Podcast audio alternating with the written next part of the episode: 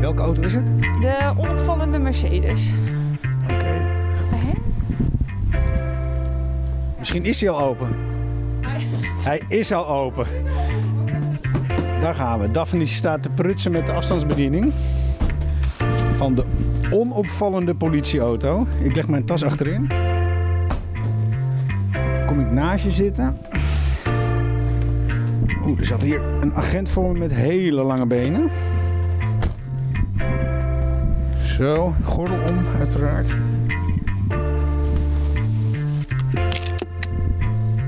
Daar zitten we dan. Ja, daar gaan we. Dit is Ter Plaatse, een podcast van de politie. Ik ben Harmen en in deze podcast ga ik op zoek naar de mens in het uniform. Waarom is hij of zij bij de politie gaan werken? Wat motiveert hem of haar om elke dag opnieuw zich in te zetten voor de samenleving en waarom nemen ze de risico's die ze lopen? Vandaag ontmoet ik Daphne. Daphne werkt op de noodhulp. Dat betekent dat ze in actie komt wanneer iemand 112 belt. Zoals die ene dag, toen ze een melding kreeg die ze nooit meer zal vergeten. Let op, deze podcast kan confronterend zijn. We zijn onderweg naar een, eh, een woning waar zich eigenlijk een soort van, ja, wel echt een drama heeft voor, eh, eh, ja, waar een drama is geweest. Een, een jong meisje heeft zich daar eh, zelf opgehangen en eh, die hebben we geprobeerd te reanimeren, maar die is helaas overleden. Zelfdoding. En jij moest daar naartoe. Ja, klopt. Ik eh, was die dag in dienst met de wijkagent. En wij krijgen een melding dat er een onwelwording is, zo noemen wij dat. en dat we daar ter plaatse moesten gaan. Hoe bereid je je dan voor op zo'n ja, op zo'n melding? Wat, wat, in welke soort professionele stand kom jij dan? Ja, dan staat alles eigenlijk aan. En dan eh, pas je alles toe wat je vroeger geleerd hebt eh, op school. Dus het eerste is wat je doet, is eh, dat je je handschoenen aantrekt. Voor als je moet gaan reanimeren, dat je in ieder geval je handschoenen aan hebt. Dat doe je al in de auto. Dat doe ik al in de auto. We hebben altijd handschoentjes, van die latex handschoentjes bij ons. En dat is natuurlijk voor de veiligheid, voor de hygiëne. Maar ook als er eventueel sporen zijn, dat we die niet kapot maken. Want hou je dan ook rekening met een, met een plaatsdelict eigenlijk? Of ga je alleen maar uit van iemand die niet goed is geworden? Eh, ja, je moet eigenlijk bij ons vak eigenlijk overal vanuit gaan. Dus je gaat naar een onwelwording, maar het zou zomaar kunnen zijn ja, dat daar een moord-doodslag eh, is en dat we een PD moeten gaan starten. Dus daar letten we echt wel op dat die handschoenen, dat krijg je altijd mee, gelijk je handschoenen aantrekken. En toen reden jullie de route die wij nu rijden. En toen kwam je daar aan. Overigens, wij gaan niet naar de exacte locatie. Want dat is, dat, dat is niet goed. Dat hoeft ook helemaal niet. Wat, wat, wat, hoe ging het toen verder toen je aankwam op de locatie? Nou ja, onderweg kregen wij nog door dat het eh, om een kind zou gaan. Dus een onwelwording voor een kind. Ja, en dan gaan alle radars aan. Dat is eigenlijk iets wat je als diender meekrijgt dat je echt niet wil hebben. Dat je ja, naar een kinderreanimatie, om het zo maar te noemen, toe moet. Ja, en dan ja, stroomt de adrenaline echt overal. eh, en dan ga je daar echt met een brok in je keel ga je daar al heen. En toen? Ja, ter plaatse aangekomen waren er al eh, een aantal collega's. Die waren boven. Eh, blijkbaar was het, eh, was, was het kind boven. En de ouders stonden beneden, waren, waren nog alleen. Omdat de rest de hulpverlening inging. Dus ik ben met de ouders in eerste instantie naar de woonkamer gegaan. Ja, en wat je daar aantreft is alleen maar huilende mensen. Mensen in shock. die eigenlijk niks kunnen zeggen. Eh, ja, het, was echt verschrikkelijk. Dat is echt eh binnenko ja, echt met een broek in mijn keel eh, stond ik daar. Die ouders, wat, wat vertelden ze jou? Ja, ze vertelden mij dat ze net terug waren gekomen van een, ehm, ja, van een boodschap. Dat ze naar hun kind boven wilden en dat ze die aantroffen. En dat de urine onder ontlasting al eh, was gelopen. Dat was eigenlijk het verhaal wat we in eerste instantie meekregen van de ouders. Want hoe troffen ze hun, hun dochter aan, hun kind? Eh, in de slaapkamer. Eh, in eerste instantie wisten wij nog niet wat er aan de hand was. Eh, dus alleen dat ze zo werd aangetroffen en dat ze de buren hebben gewaarschuwd. En dat die zijn begonnen met, met de reanimatie totdat wij kwamen. Maar, ze- maar ze lag dan. Eh, ja, dat, dat kregen we in eerste instantie niet door. Dus eh, de moeder was zo... eh, de ouders waren allebei zo erg in paniek. Zo emotioneel dat we er heel weinig uit kregen. Dus je had ook helemaal niet in de gaten waar het nog eigenlijk om ging. Nee, we dachten nog steeds eigenlijk dat het om een normale onwelwording ging. En dat er iemand eh, ja, niet lekker was geworden en daardoor dus onderuit was gegaan. Dat was wat we dachten. En hoe kwam je erachter dat het om zelfdoding ging? Uh, na een tijdje met de ouders gesproken te hebben, uh, probeer je eigenlijk als uh, agent zoveel mogelijk informatie te krijgen van de ouders over wat is er gebeurd, is er een verleden, geschiedenis. Ja, en toen vertelde ze dat ze gevonden was met iets om de nek heen.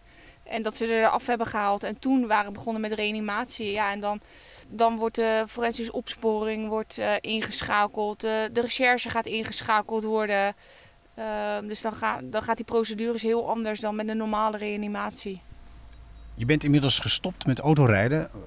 Want, want dit is de wijk waar, waar dat meisje woonde? Ja, klopt. Uh, dit is de wijk. Hier is het, uh, hier is het voorgevallen.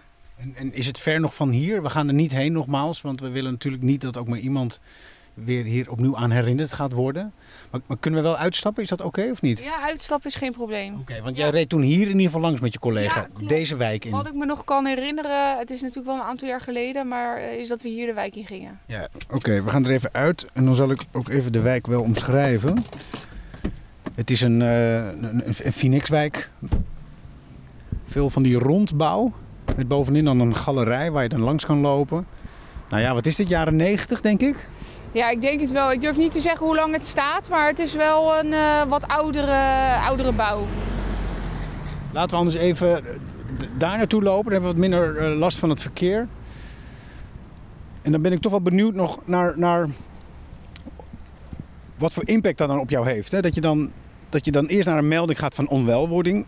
Daarna wordt duidelijk, het gaat om een kind. En daarna wordt langzaam duidelijk dat het om een, om een, om een zelfmoord gaat. Ja, klopt.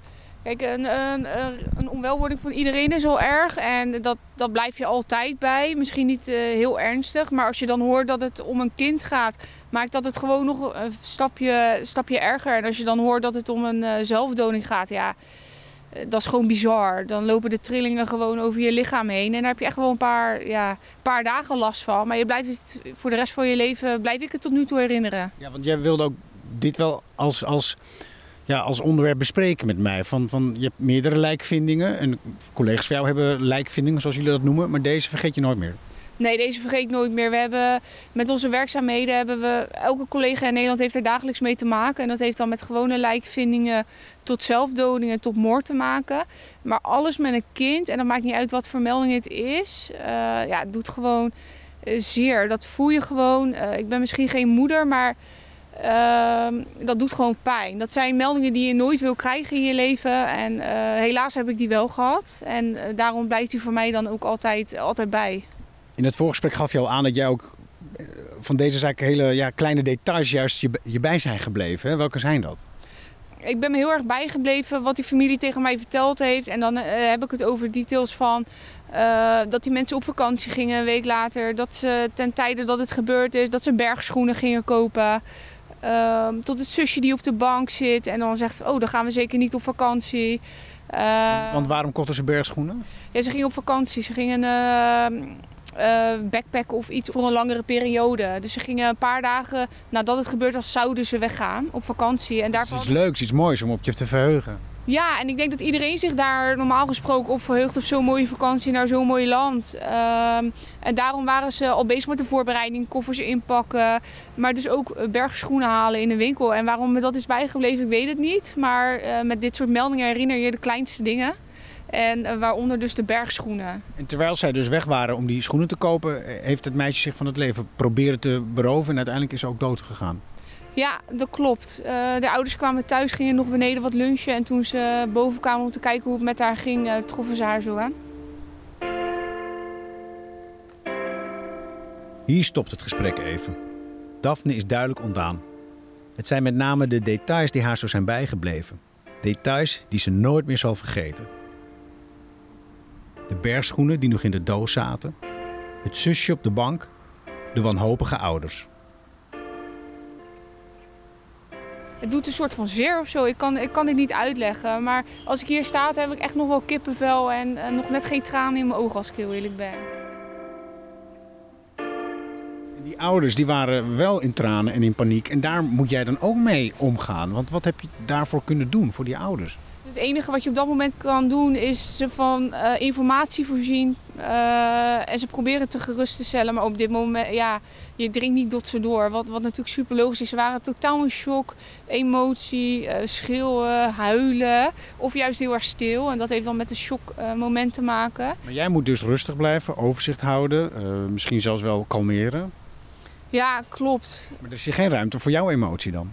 Nee, die komt daarna wel. Op dat moment ben je er voor die burger en niet voor jezelf. Wanneer komt het dan bij jou?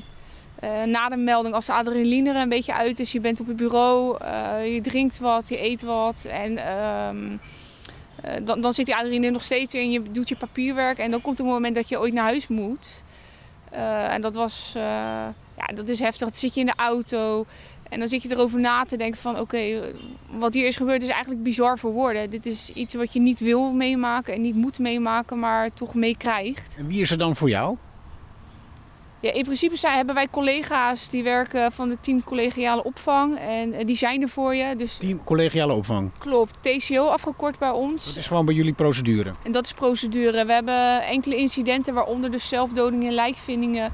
Uh, waarbij die collega's ons te woord gaan staan om te kijken hoe het met ons gaat. Hoe we de afgelopen dagen hebben beleefd. Of we er nog last van hebben. Heb je daar gebruik van gemaakt? Ja, dat doe ik altijd wel met dit soort meldingen. Ik denk dat het ook wel goed is om je verhaal te kunnen doen bij iemand die er niet bij is geweest. Um, je... Ook een professional is. Ja, en die ook het werk doet wat wij. Dus we, ze weten wat we moeten hebben, maar die er toch een beetje buiten staat. Dus waar je gewoon je verhaal uh, bij, kan, bij kwijt kan. Maar dat beeld, dat is, vind ik een heel erg heftig sterk beeld. Dat wij er tegenkomen, dat is een grote schok. Maar dat jullie tegenkomen is dus een minder grote schok, nota bene. Daar kan je dus eh, als professional op voorbereid worden? Ja, we worden er echt wel goed op voorbereid. Ze proberen dat van de academie heel erg goed te doen. En ook de begeleiding op de bureaus bij jonge studenten is daar heel erg, uh, heel erg streng op. Maar hoe doen ze dat met zo'n sterk beeld? hoe train je dat? Ik. Ja, we krijgen foto's te zien op de academie van hoe het eruit ziet. Dus je krijgt er een soort van beeld uh, van dat je erop voorbereid bent hoe het eruit kunt zien. En je ziet uh, mensen die gevonden zijn, die overleden zijn in verschillende ja, stadiums. Dus van net overleden tot al wat langer overleden. En dat geeft natuurlijk ook een ander beeld. En dan word je ook een kenner. Je kan dus, jij kan dus beoordelen hoe lang het geleden is. Moet ik die eraf halen of laat ik dat hangen? Nou, ik, ik, wil niet zeggen dat ik kenner ben. Gelukkig hebben we daar artsen en eh, schouwartsen voor die dat doen. Maar als jij de eerste bent op locatie? Ja, dan hebben we, we kijken als eerst hoe een lichaam eruit ziet. Uh, is voel, het... voel je? Ja, we, voelen, we moeten voelen om te kijken of iemand nog warm of koud is. En als die helemaal koud is? Ja, als die echt koud is en we hebben, weten zeker dat iemand is overleden, is dat er echt geen leven meer in zit, dan uh, laten we hem eigenlijk hangen voor de forensische opsporing om uh, te onderzoeken inderdaad of het echt... Dat klinkt echt hard. Dat klinkt ook hard, maar dan, uh, dan laat je het bewijs hangen, want het kan niet alles hoeft zelfdoding te zijn. Het kan ook bij geholpen zijn of iemand kan het gedaan hebben en dat wil je uitsluiten. Dan wordt het een crime scene, het plaatsdelict. Ja, klopt. En... Bij dit meisje was het nog, hè, was nog onduidelijk, ze leefde nog ja, wel, uh, althans, ze was er natuurlijk al afgehaald. En uh, de reanimatie is daarna gelijk begonnen door de ouders en door, uh, later door ons ambulancepersoneel. En je weet niet hoe lang iemand er ligt. dat wisten we niet. We wisten niet hoeveel uur ertussen heeft gezeten. we wisten niks. Ja, en dan doe je je uiterste best om iemand te redden. Het is niet gelukt? Nee, helaas niet. Hoe vind je het om hier te staan? Want die ouders zijn hier nog. heb je wel eens overwogen om nog, nog met ze in gesprek te gaan eigenlijk? Ja, naar aanleiding van dit uh, ben ik er wel iets meer over na gaan denken. Het is voor mij een paar jaar geleden. Dus uh, ja, dan denk je er iets minder aan dan dat je aan het begin eraan denkt. Dat wordt, wordt steeds minder. Uh, maar nu ik er zo weer aan denk, heb ik eigenlijk een soort van spijt van dat ik daar nooit meer ben geweest. Gewoon om te kijken hoe gaat het met die ouders, met zusje. Gaat alles goed ehm, nu, na al die jaren? ja, ik zou dat best wel, best wel willen weten. Misschien kunnen ze dat wel waarderen ja, ik ga er even goed over nadenken wat, uh, wat ik wil. Misschien zitten ze helemaal niet op een politieagent van, van een paar jaar geleden te wachten hoor. Maar ja, ik weet niet. Ik heb er wel, als ik erover nadenk, denk ik, ik had eigenlijk na een paar maanden of zo misschien die stap moeten zetten om erheen te gaan. We doen het niet altijd als politieagent. ik denk dat als jij daarheen gaat en je, en je bent zo net zo open en, en, en, en eerlijk als je tegen mij bent, namelijk gewoon de mens in, in het uniform, dat ze dat echt wel kunnen waarderen. Ja, ik hoop het. Ja, ik ga er, wat ik al zeg, ik ga er wel echt goed eventjes over nadenken. Misschien neem ik die stap wel, maar ja, rustig over na. het, ja, het is best wel lastig. Zitten die mensen wel op jou te wachten en ehm, kan ze dit misschien ook helpen in het rouwproces? Dat zou natuurlijk ook kunnen over hoe wij het hebben ervaren, hoe hun het hebben ervaren die dag. Het helpt jou om erover te praten, dus eh, misschien hen ook. Ja, dat zou kunnen. Ja, Denk er rustig over na. Dankjewel voor dit gesprek. ja jij bedankt. In deze aflevering ging het over zelfdoding en wat dit met de mens in het uniform kan doen. Heb jij zelfmoordgedachten of ken je iemand in je omgeving die zelfmoordgedachten heeft? Neem dan contact op met 113 zelfmoordpreventie via telefoonnummer 0800 113 of gewoon 113. Je kan ook anoniem chatten via 113.nl. Dit was Ter Plaatse. Ik ben Harmen. Tot horens.